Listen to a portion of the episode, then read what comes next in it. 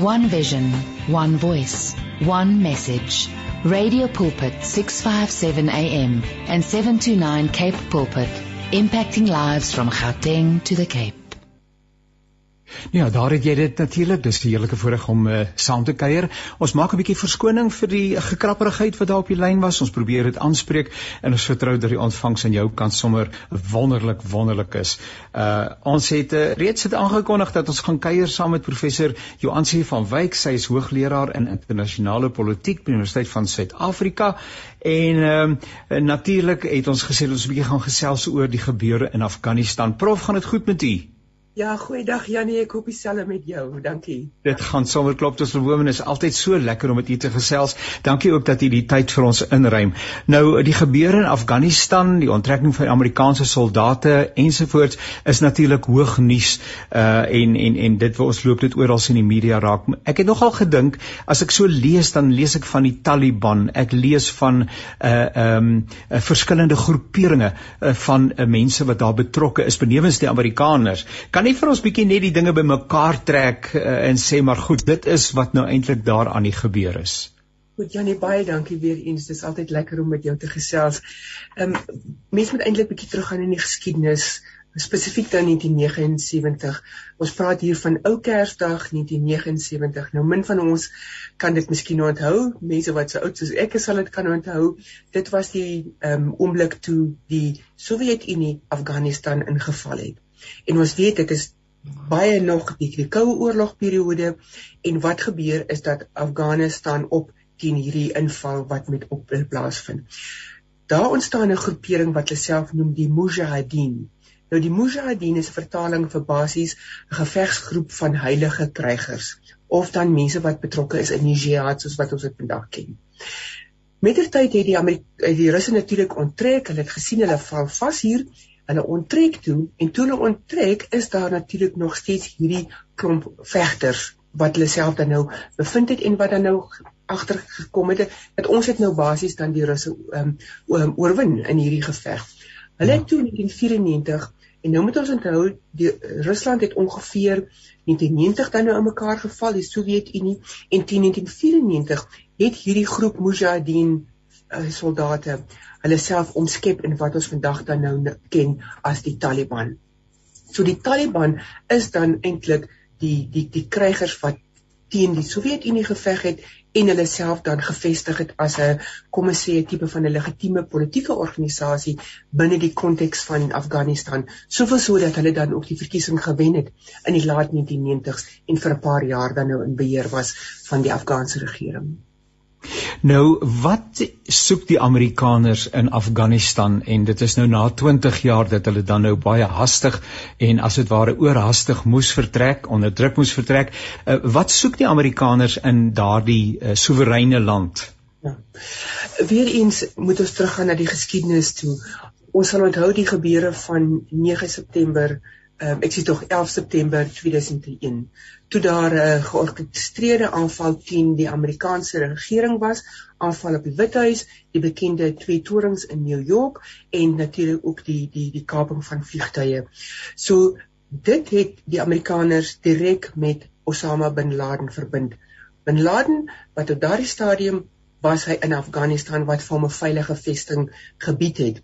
Ons weet dat hy dan vir baie jare lank daar weggekruip het. En natuurlik teen Oktober 2001 was die Amerikaners gereed om Bin Laden te gaan soek wat hy intussen onder Al-Qaeda um, as leier het hy aangekondig dat hy sy organisasie was betrokke en verantwoordelik vir hierdie aanval en George Bush wat toe aan bewind is van die Amerikaanse regering het bloed gesoek en die Amerikaners ook 3-4000 mense het gesterf daardie dag. Dit was 'n ja, groot slag vir hulle ego en dit was die begin van die inval. En ehm um, van Oktober 2001 af was dit dan die soektog vir Bin Laden en ons weet dat hy eers 10 jaar daarna basies in Pakistan toegevind is en dan nou doodgemaak is. So die Amerikaners het gaan bloed soek soos die meeste ehm um, geskiedkundige ehm um, invallers in Afghanistan het hulle ook na 20, 30 jaar onttrek en die onttrekking is dan nou gister voltooi um, sodat dit kan dan gereed wees vir die 20ste herdenking van hierdie aanval ook as 'n simboliese manier dan. Hoekom sou die FSA nie eerder onttrek het nie as hulle dan nou vir Bin Laden opgespoor het en hulle kon nou uh, dan daai vergelding uitvoer? Ehm um, hoekom sou hulle nie vroeër uh, daardie land verlaat het nie? Goed, dit is dis dis natuurlik die die interessantheid van die internasionale politiek is dat dit so bloed, bloeddorstig kan wees. En ons sou graag wou dink, maar is daar nie ander maniere? Hoekom het die Amerikaners lank gemaak vra jy? Goed, wat intussen gebeur het is dat die Taliban het al bewind gekom ehm um, tot rondom 2001 um, dit was 'n land wat geweldig streng volgens islamitiese beginsels ge, um, geheers en regeer is. Ja. En die Amerikaners het gedink maar goed, ons gaan hierdie mense verlos van hulle self. Um, en natuurlik het die Amerikaners gehelp om 'n demokratiese regering daarin te bring wat bietjie meer pro-westers is sodat Amerikaanse belange in hierdie land gedien kan word.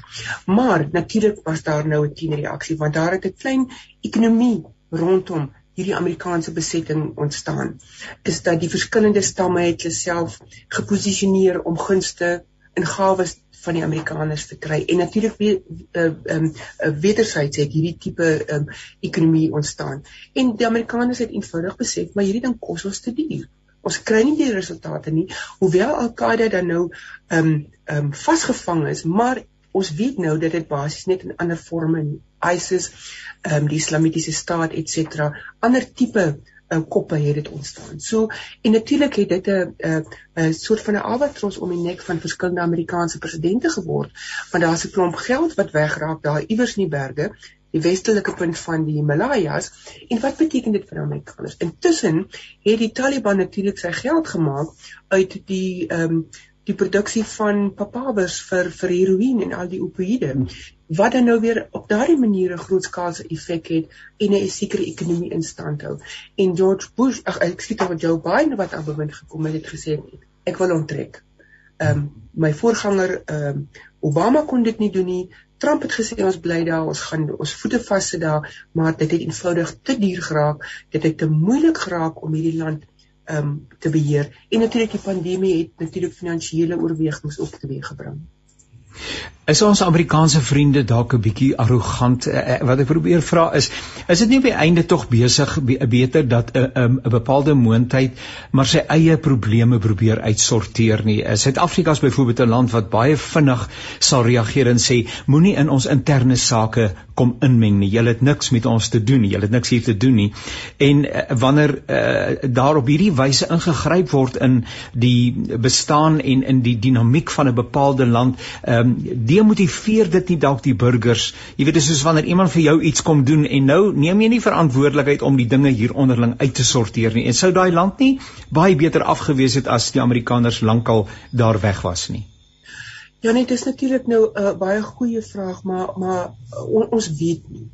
Ehm um, sou die Taliban aan bewind gebly het, dan sou ons kon verwag het dat daar miskien veel meer menseregte vergrepe gewees het het die Amerikaners vroeër uitgetrek, wat sou dit gewees het? Ons weet nie. So die motiewe vir die Amerikaners is natuurlik soos wat Henry Kissinger, 'n uh, uh, eertydse Amerikaanse diplomaat gesê het, is 'n land het nie vriende nie, hy het net belange.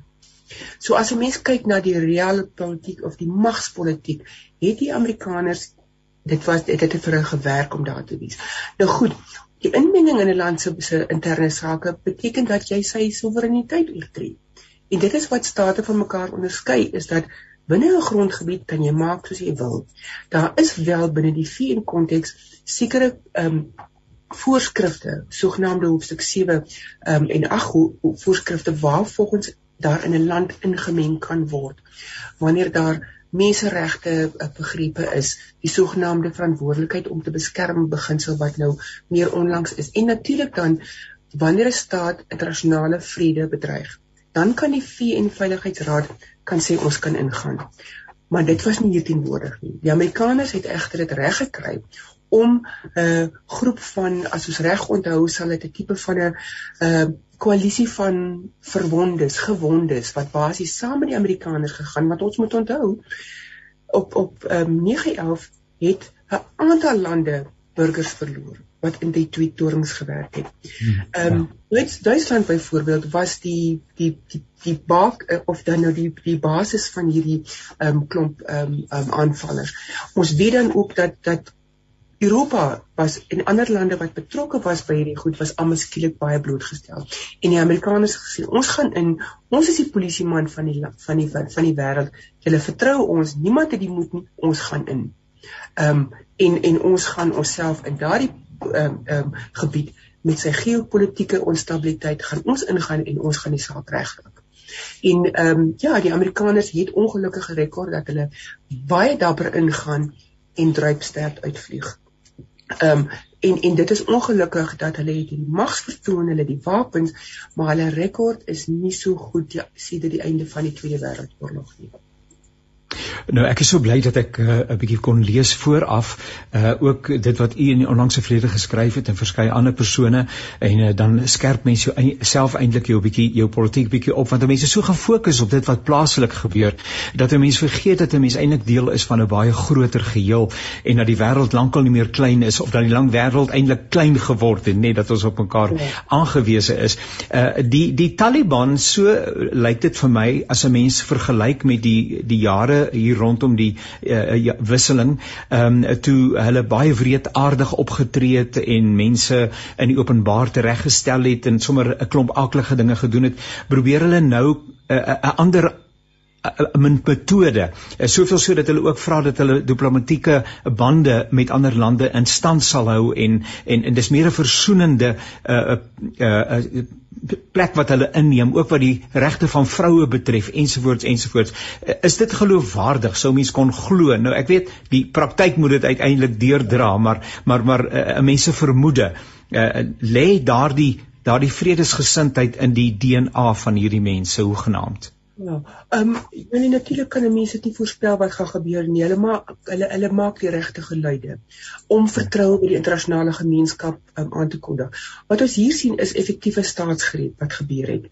Ehm um, die president is in wandelingskap, die besetters is uit en daar is nog nie 'n regering aangekondig nie.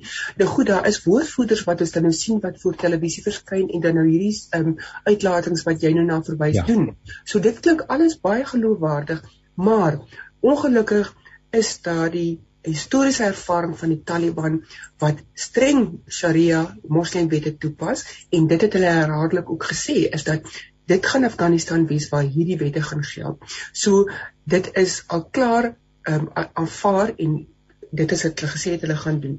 Dan tweedens sit 'n mens met die probleem dat hulle ook dan nou 'n baie ehm um, konservatiewe byna 'n uh, 'n stamgebaseerde uh, benadering het um, tot tot tot die moslim geloof. Baie oud ehm um, ehm um, ehm um, benadering tot die sunni geloof wat hulle ook konservatief maak saam met stamgelowe want ons moet onthou dat Afghanistan is 'n stamgebaseerde samelewing. Nou hierdie geluide klink goed, maar ons weet ook dat hulle sal moet geloofwaardigheid um, moet moet um, voor kan lê voor kom ons sê die demokratiese um, state van die land waar elke mens se menseregte in die wydste diepste moontlike manier gewaarborg en uitgeleef kan word. Nou in 'n gesprek wat ek en jy voorheen gehad het, is dit duidelik dat die Chinese natuurlik nou al klaar bietjie na hulle uh, begin vry. Ehm ja. um, die die Russe gaan nie baie ehm um, miskien 'n goeie bondgenote wees nie as gevolg van die historiese ehm um, ehm um, verloor wat Rusland daar gehad het. Ehm um, die Britte was ook een van die state wat daar bloedneus gekry, die Amerikaners is uit. So wie bly basies oor? Die Chinese. Chinese en, ja. en Afghanistan lê basies op hierdie nuwe syroete, die politieke syroete wat ehm um, Beijing basies dan van Beijing letterlik tot in pole wil vestig as hierdie groot ontwikkelingskorridor waar Chinese invloed dan ehm um, versprei word ehm um, en basies dan Afghanistan wat dan hierdie kruispunt van die geskiedenis is, is dan ook geografies op hierdie kruispunt geleë. En dit maak dan ook sin. Ehm um, want daar uh, dit was een van die struikelblokke in die realisering dan van hierdie hierdie nuwe syroete, hierdie politieke of dan ook bekend te staan as die Patent Belt netwerk wat die Chinese wil hê. So dis groot ek kies groot geopolitiese faktore wat hier aan die werk is. Ehm um, dit maak my enerzijds bang want want hierdie goed is is baie te groot. Ons sit hier met 'n met 'n oomblik in die geskiedenis wat miskien vergelyk kan word met die gebeure wat aanleiding gee tot die Tweede Wêreldoorlog en en hier is goed aan gebeur en ons kan nog nie verstaan watter geluide maak die tektoniese plate nie. Ons weet dit skuif, maar ons ons as gelowiges moet moet net vashou dat dat hierdie plate nie te veel raas en rippel nie.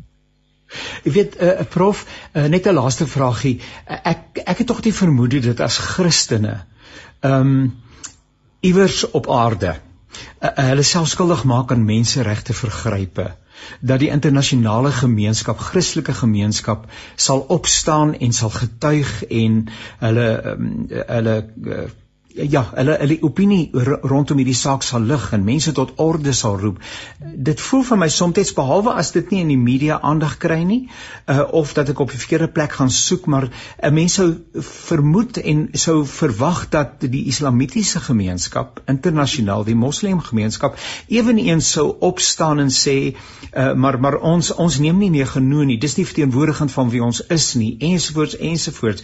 Is daar sulke stemme of is daai stem stil. Ja, Janie, ek dink daai stemme tot 'n groot mate stil geword. Ons weet dat Europa het so geweldig is gesekulariseer byvoorbeeld.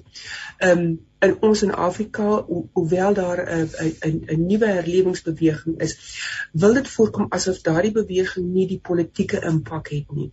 President Donald Trump het het 'n taamlike 'n geloofsagenda gehad wat hy ongelukkig met politieke ehm um, swak maniere nie kon mynsinsiens ehm um, vertaal in geloofwaardige optrede en daar was dis 'n ge ge ge ehm um, verdagmakery oor gelowige sisteme wat dan basies geweldig ehm um, krities geraak het ehm um, oor hierdie goed.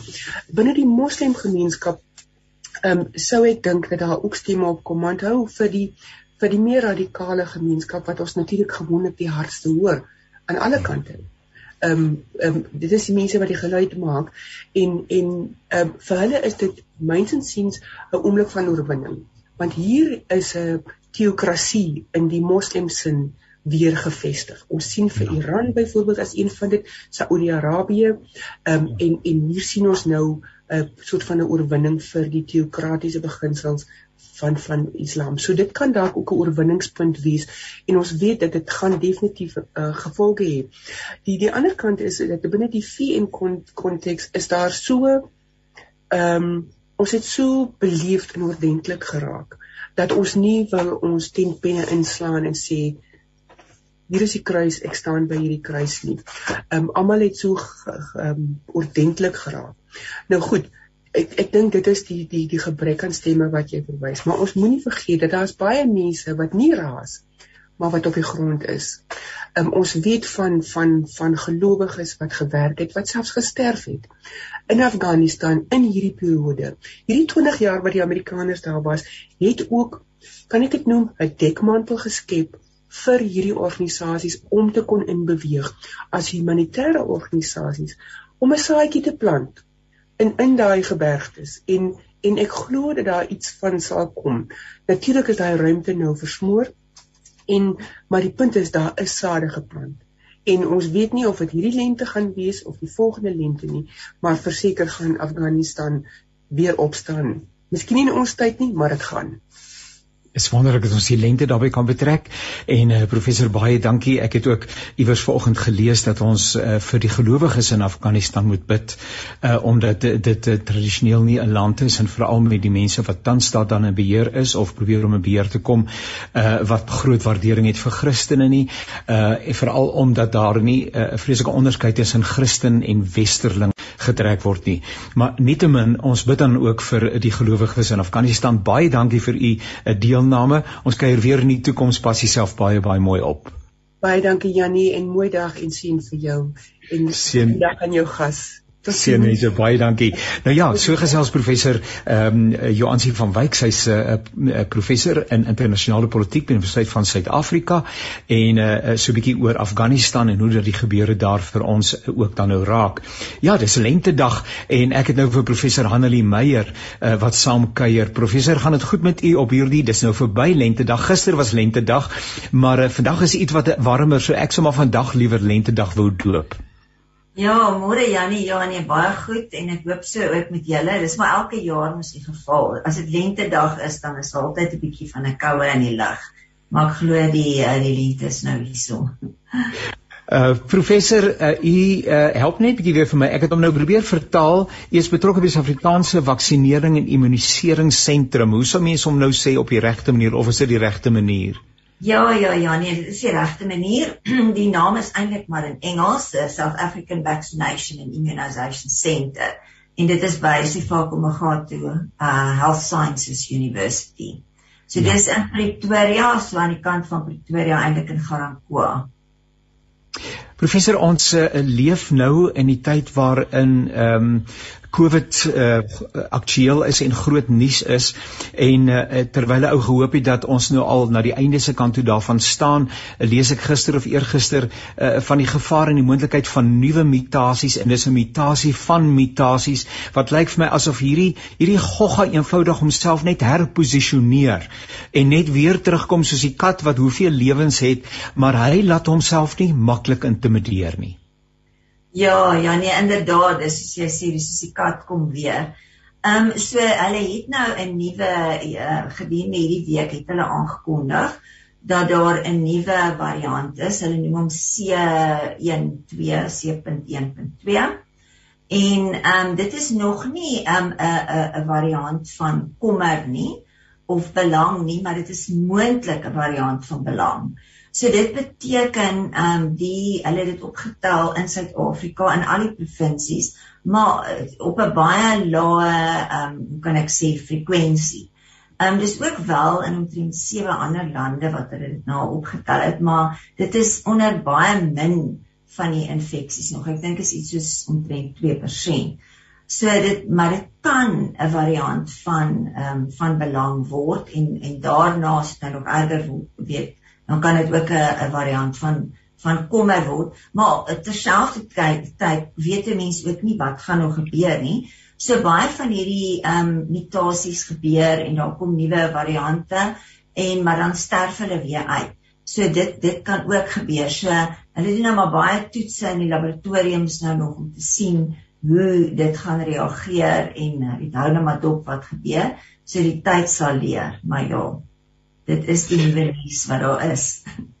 Professor, ehm um, in die, ek dink dit is in die Oos-Kaap veral wat mense in die afgelope tyd hoor van geweldige ehm um, infeksies, uh, mense wat positief toets by skole, 'n uh, baie baie groot hoeveelheid skole is ge, is geaffekteer, uh, uh onderwysers, leerkragte en die aard van die saak ook, dan hoe kinders, uh duisende der duisende kinders. Uh hoekom is daar nie of is daar en hoekom word dit dan nie uh, aangebied en gebruik nie 'n vaksinne wat dan spesifiek gerig is op uh, die jonger bevolking? Uh, praat dan nou van kinders as ek die woord kan gebruik want ek dink ons is hier by 18 min of meer is die punt waarby uh, die mense op die oomblik werk. Ja ja dit is 'n is 'n baie 'n uh, vraag wat ons baie dikwels nou kry in die, in die afgelope paar dae weke So die die ehm um, inentings wat ons gebruik in Suid-Afrika, soos jy sê, is is nou net van 18 jaar af. Die Pfizer ehm um, die Pfizer inenting kan wel van van 12 jaar af gegee word. Maar ehm um, in Suid-Afrika het ons nog nie ehm um, is daar nog nie ehm um, dit nog nie geregistreer kan ek sê om vir daai ouderdomsgroep te gebruik nie alhoewel de, daar is klaar blyklik ehm um, ehm um, 'n aansoek ingedien by SAPRA ons ons owerheid wat nou kyk wat die wat die medisyne en die en die instowwe registreer. Maar ehm um, so so dit dit die tyd sal leer. Ehm um, hulle moet nou eers daarna kyk so wat hulle dan doen. Hulle kyk dan na al die data van die veiligheid en die effektiwiteit van die van die instof en dan sal hulle besluit goed ons gaan dit nou registreer daarvoor in Suid-Afrika. Dan moet die departement van gesondheid ook kyk kan ons dit nou uitrol in daai in daai ouderdomsgroep? So as ons nou na daai ouderdomsgroep kyk beteken dit ook ons moet nou eers kyk ehm um, watter ouderdomsgroepe is nou al reeds ingeënt. So uh, ons moet 'n gedagte hou dat ons ouer mense is die mense wat ehm um, die meeste risiko het om baie siek te word en om gehospitaliseer te word of dalk om te sterf. So mense moet daai ook in gedagte hou en dan ook terselfdertyd die kinders is die wat baie rond beweeg en dalk nie al hierdie maatreëls gehoorsaam nie. So hulle kan nou weer die virus versprei. So dit is baie moeilik om om daai balans te handhaaf. En daar's ook studies, ek het ook navraag gekry wat van ons jonger kinders. So daar is um nou 'n kliniese studie in die in die wat Pfizer besig is om te doen um in die in die FSA waar hulle kinders insluit van die ouderdom van 7 jaar af as ek reg is 7 tot tot 12 jaar. So in die in die begin um, van die van die kliniese studie sluit mens nooit kinders in nie.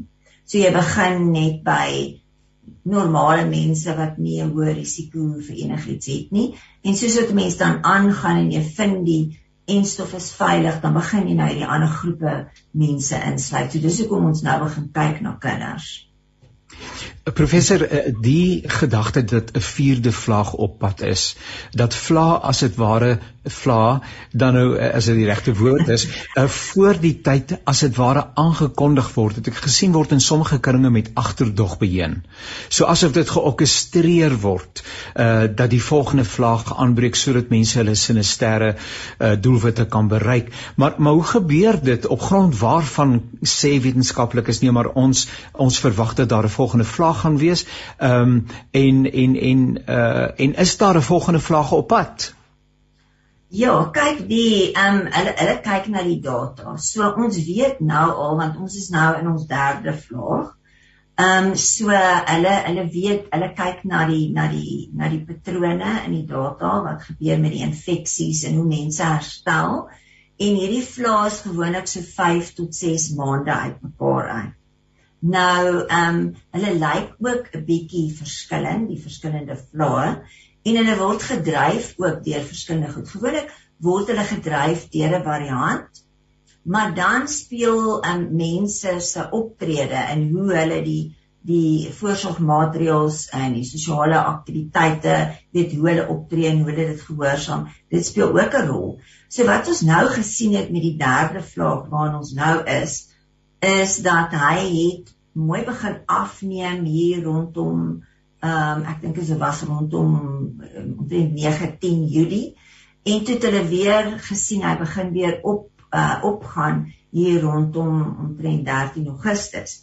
En en en wat wat wat ons nou ook sien soos jy die Oos-Kaap genoem, ja, so daar's ja. baie hoë inf infeksies op die oomblik, jy weet in daai dele in die Kaap. Baie hoër is byvoorbeeld in van die van die ander provinsies. So ehm um, dit en en en wat hulle dan nou ook noem is dat ons weet dat die derde vlaag gedryf was deur die ehm um, Delta variant. Ja. So ja. persoonlik is daar nog nie 'n nuwe variant nie wat nou wat nou van belang of van kommer is nie. So dit dit wys vir ons dat mense gehoorsaam nie hierdie voorsorgmaatreëls nie. So dis eintlik onsself wat ja. hierdie wat hierdie vlaag soort van dryf. Ehm um, maar ja, dit dit is ongelukkig en dis al ons het gaan stop is ons moet in en en ons moet ons sosiale ehm um, voorsorgmaatreëls moet ons gehoorsaam. Dis eintlik al ons dit gaan onder beheer kry. Nou van die inenting gepraat, ehm um, is daar dan nou sprake daarvan dat eh uh, dat dit dalk van owerheidswee af ehm um, en en en die dinge word nou tans ondersoek maar dat van owerheidswee af mense gedwing kan word uh, om die enstof te ontvang. Wat dink u uh, van so 'n uh, situasie? Ja, kyk, die die uh die president en ook die minister van gesondheid het genoem. Hulle het gesê en hulle is te gunste daarvan dat dit wel verpligtend gaan word nie of kan word nie. Maar ehm um, daar is nou al reeds in in die die departement van arbeid en en in diensneming. Hulle het al reeds aangekondig in die staatskoerant dat werkgewers wel 'n beleid kan instel wat mense kan dan hulle werknemers dan kan verplig om die enstof te neem. En ehm um, so maar die die die werknemers kan wel ehm um, dit weier op grond van mediese redes of op grond van uh, die grondwetlike redes. So ehm um, en en en dan die werknemers, ag uh, werkgewers, ekskuus aan die ander kant Hulle ja. moet ook seker maak dat die omgewing veilig is vir al hulle werknemers. So hulle kan nie sommer net so iets instaan nie. Hulle moet eers 'n risiko analise doen. Hulle moet konsulteer met die vakbonde en met die veiligheidskomitees in die werksomgewing. Maar ja, dit is so dit gaan nie volgens my dit gaan nie deur die regering gedryf word nie. Dit gaan gedryf word deur die werksomgewing. En dit gaan ook afhang van watter tipe werksomgewing dit is. So ek dink ons gaan baie van hierdie goed in verskeie howe sien waar mense dan teen dit gaan staan en en so voort. Dit is 'n baie komplekse ehm um, situasie uh, op op hierdie stadium. U eie persoonlike opinie sou u sê dat ehm um, gegeewe die aanslag uh en ook die uh die die hoeveelheid mense wat sterf en geaffekteer word, die impak wat dit het op die ekonomie en 'n hele klomp ander sektore en die smeer uh, dat dit uh, byvoorbeeld 'n algehele ehm um, dwang, ek wil nie sê verbod is die verkeerde woord, dwang met ander woorde en verpligting dat mense die enstof moet ontvang, dat dit gepas sou wees wat ek dink is is ons regering hoef ook nie eintlik regtig bekommerd daaroor te wees nie. So mens moet mens moet daai balans probeer handhaaf tussen ja. die individuele reg van die mens wat ook in ons beleid is in Suid-Afrika ja. en dan ook die die openbare belang. Wat wat is in die openbare belang van ons almal se veiligheid? So um, ek dink wat wat wat ons nou reeds sien onder baie mense is dat hulle bekommerd is oor weet hulle eie veiligheid en die veiligheid van van mense rondom hulle en mense begin ook druk te sit op vriende en familie um, en so aan.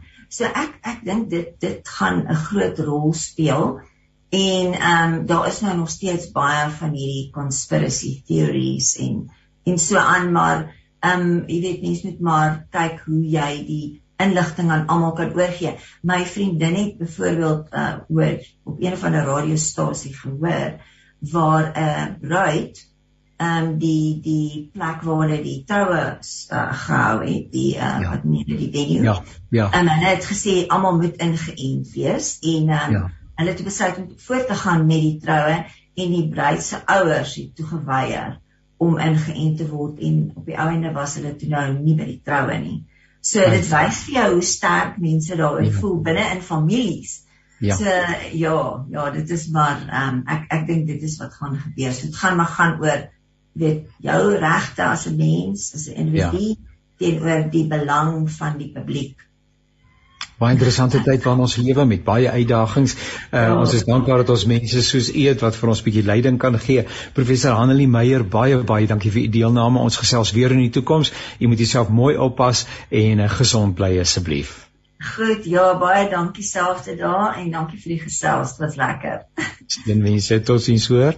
Nou ja, so gesels professor Hanelie Meyer en uh, dit is natuurlik 'n hartseer werklikheid dat gesinne onderling verdeel word uh, as gevolg van uh, die uh, posisie wat hulle inneem met betrekking tot die enstof en op die manier ag nee, dit is dan regtig hartseer en, en ek dink dit 'n mens alles in die stryd moet werp om seker te maak dat uh, gesinne nie verdeel word nie, dat uh, uh, samelewingsverbande nie skade gedoen word nie, veral binne die geloofsfamilie dat die liefde van Christus in alle opsigte vir ons bly saambind en uh, dat ons mekaar met groot geduld en waardering en empatie en omgee sal hanteer.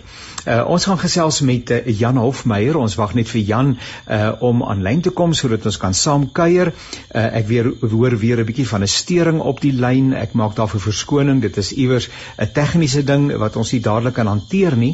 Maar uh, ek gaan uh, goedgelowig voort uh, om uh, te gesels en um, vir jou te herinner dat jy luister na die programme van Radio Kansel. Hierdie program se naam is uh, Perspektief. Ons gesels oor die dinge wat die leefwêreld van gelowiges van gelowiges raak en uh, natuurlik is daar uh, is daar so baie dinge wat in ons wêreld aan die gebeur is en uh, wat vir ons uh, uh, natuurlik soms baie onveilig laat voel of wat vir ons soms 'n bietjie ehm um, Uh, so 'n bietjie intimideer uh, en wat vir ons selfs depressief kan maak. In Suid-Afrika is daar juis hierdie gevoel van angstigheid oor die dinge wat uh, besig is om plaas te vind rondom ons. One vision, one voice, one message. Radio Pulpit 657 AM and 729 Cape Pulpit, impacting lives from Gauteng to the Cape. My naam is Janie Pelser en ek gesels met Jan Hofmeyer. Nou hy's al Hofmeyer sonder hy ekstra e hier op die einde. En as ek vanoggend soek op die internet, dan sien ek nie hulle sê jy moet daai Hofmeyer dan regspel anders gaan jy nie vir hom opspoor nie. 'n uh, Kollega, gaan dit goed met jou? Ek ek wil ek waardeer daai uh, caveat want want want die die fout word deur baie gemaak met daai daai ekstra e na die e. Dit gaan goed baie dankie met jou Janie. Dit gaan goed, dankie. Janie, ietsie van jou kap 'n bietjie daar op die uh dink ek op die lesenaar voor jou uh en dan kom jy geluid oor. Hou maar net daai hande stil. Uh asseblief Jan, vertel vir ons wie en wat is die Instituut vir Geregtigheid en Versoening? Ja, so die die instituut is um in 2000 gestig. Um en dit was soort van in die naderdraai van die Waarheids- en Versoeningskommissie se openbare verhore um gedurende die laat 90s. En dit is gestig deur deur 'n aantal mense wat betrokke was by die Waarheids- en Versoeningskommissie en wat gevoel het dat dit nodig was om 'n organisasie binne die burgerlike samelewing te hê wat um wat wat waarheid en versoening in post-apartheid Suid-Afrika se nastreef binne die samelewing maar ook om die regering verantwoordbaar te hou vir die ehm um, vir die voorstelle wat die wat die kommissie op op daai tyd ehm um, gedoen het. So dis waar, waar ons begin het, maar oor die laaste 20 jaar het het ons betrokke geraak in 'n hele aantal ehm um, lande wat wat soortgelyke transisies ehm um, gehad het reg deur Afrika. Ehm um, en sedertdien ook in in ander dele van die wêreld waar ons ons ons ekspertise inbring um, in in terme van van die dinge wat nodig is om in, om om 'n plek te hê om 'n proses van van versoening te te bring um, na die konflik. Jan, ekskuus dat ek vir jou vra of jy miskien dalk net sal seker maak dat jy nie aan jou mikrofoon raak nie en dat jou hande bietjie stiller hou. Ek kan vir Jan sien want ons is via Zoom, maar elke keer as jy beweeg is daar 'n stering op die lyn en so of jy moet doodstil sit of op jou hande sit en pas op net die mikrofoon teen aan jou lyf want dit is dan kry ons heelwat 'n uh, eh, 'n uh, eh, stering en dan kan ons nie vir jou so lekker hoor nie. Jan, die ehm um, hele gedagte van 'n afrobarometer, wat vir ding is dit en julle het in die onlangse verlede iets gedoen uh, wat Suid-Afrika betref en wat is die inligting wat julle uit daardie barometer uh, dan verkry het? Ja, so die Afrobarometer is 'n meningspeiling wat um, ons doen in ongeveer 36 lande reg oor Afrika. En ehm um, die die vraag wat ons wat ons vra binne die Afrobarometer kyk maar na vrae rondom hoe gewone Afrikane ehm um, regering ervaar in hulle lande. En en ons fokus is spesifiek op op demokrasie. So ons ons kyk of mense voel dat ehm um, hulle demokratiese regte gerespekteer word. Ons kyk ehm um, of ons probeer uitvind of mense voel dat regerings hulle mandate nakom teenoor ehm um, gewone mense en ons kyk ook oor die algemeen net die vertroue wat wat gewe, gewone mense het in hulle regerings om te doen wat nodig is um, om te doen. So dit is so so so so almal weet, ehm um, het ons kontinent baie uitdagings rondom menslike ontwikkeling en ook en ook in ons land wat wat wat baie groot ongelykhede en hoë vlakke van armoede het. So die jongste navorsing wat wat ons um verlede week bekend gemaak het, het gehandel rondom vertroue in openbare instellings. So met ander woorde, ons kyk hoe mense um die mate van vertroue wat hulle het in die nasionale regering of provinsiale regering, plaaslike regerings waar weet waar um waar mense woon maar ook ons kyk na na dinge soos howe die openbare beskermer ehm um, Ja, so 'n hele rits instellings om om te verstaan ehm um, tot watter mate Suid-Afrikaners ehm um, hulle regering vertrou. En ons do, ons doen dit nou al vir 'n hele aantal jare sedert 2006. So so wat wat ons probeer ook verstaan is hoe die prentjie verander oor tyd. Ehm um, in in ehm um, dit dit is belangrik om te weet want spesifiek in op op hierdie tydvak waar ons onsself op die oomblik vind in die midde van 'n pandemie, ja, 'n ekonomie ja. wat swak is, mense wat baie swaar kry. Ehm um, het jy ehm um, met gaan dit nodig wees vir die regering ook om daadwerklike stappe te neem om die om die situasie aan te spreek en die land weer op 'n traject te plaas van ontwikkeling en ekonomiese groei. En daai stappe gaan nie noodwendig ehm um, pynloos wees nie. Daar daar kan opoffering verwag word van baie mense, maar jy kan net opoffering ehm um, van mense vra indien mense die instelling vertrou wat daai opoffering van hulle verwag. En nou blyk dit ja Ekskuus ja, ja. nou blyk dit dat daar uh, dat daar 'n enorme vertrouensbreuk is uh, in Suid-Afrika in die instellings wat jy genoem het en uh, ek ek haal hier aan dat 67% uh, Suid-Afrikaners uh, bereid is om hulle stemreg prys te gee in ruil vir 'n regering wat veiligheid, werksgeleenthede en huisvesting uh, kan verskaf. Uh, Jan, ons het so 3 minute. Wat beteken dit dat hulle bereid is om hulle stemreg 'n uh, prys te gee vir so 'n regering? Met ek ek dink wat dit vir ons sê is dat mense baie desperaat is. Ja, ja. Ehm um, gegeewe gegeewe ons ons land se geskiedenis van onderdrukking waar waar baie mense vir baie lank nie stemreg gehad het nie. En en dat dat baie mense vir jare geveg het om daai stemreg te kry.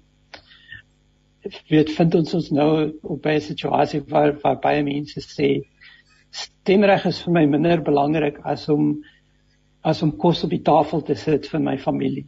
Ja, ja. Ehm um, en en ek en ek dink dis 'n dis 'n dis 'n baie ongelukkige situasie waarin waarin waarin ons ons onsself bevind.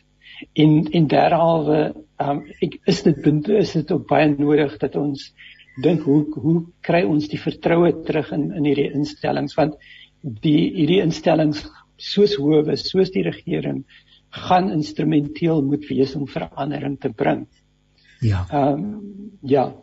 Ja. ja, wat is die eh, net eh, kortliks eh, wat wie is die adres van navorsing soos hierdie byvoorbeeld en en en in watter mate anderstekend steur mense hulle aan hierdie tipe navorsing dan dink ek met name dan nou die geïmpliseerdes wat moet sorg dat hulle dinge regkom sodat die die vertroue van die, van die samelewing herstel kan word. Uh, sien hulle hierdie navorsing en steur hulle hulle self daaraan? Kry hulle wel die ervaring en die gevoel dat iemand aan die ontvangkant van hierdie boodskappe staan? Ek ek dink daar daar is daar is dele van weet van die weet van van die staatsdiens ehm um, wat wat agterop slaan die die ehm um, departement vir wat wat die ehm um, binne die presidentskap wat monitorwerk doen rondom die die ehm um, implementering van van regeringsbeleid het juis verlede week 'n uh, ehm um, verslag uitgebring wat baie van ons data bevat en en ook weet weerspieël wat ons wat ons sê so daar daar is daar is bewustheid. Ek dink die die groter uitdaging is dit om is om dit ehm um, deur te laat werk in in verskillende departemente en dat weet mense besef dat jy kan nie regeer sonder dat mense jou nie vertrou nie. Weet as daar 'n vertrouensbreuk is dan is daar 'n probleem. Eh, net om terug te kom na jou jou jou eerste vraag waar mense kan toegang kry tot die data um, op ons webtuiste vir die Afrobarometer is afrobarometer.org. So, afrobarometer.org nee en dis maklik ja. om dit te kan onthou. Jan ons gaan weer in die toekoms gesels. Uh, baie baie dankie ook dat jy jou hande so mooi stil hou uh, want daai daai daai steuring die is nou heeltemal weg. Seënwense vir jou pas jou baie mooi op en bly gesond. Baie dankie vir die uitnodiging Jan. En so gesels Jan Hofmeyer en hy is betrokke by die Instituut vir Geregtigheid en Versoening. daarmee het ons aan die einde gekom van hierdie saamkuier. Ons sê vir jou baie baie dankie. Mag die Here vir jou ryklik seën en tot 'n volgende keer, eh, dan gesels ons verder.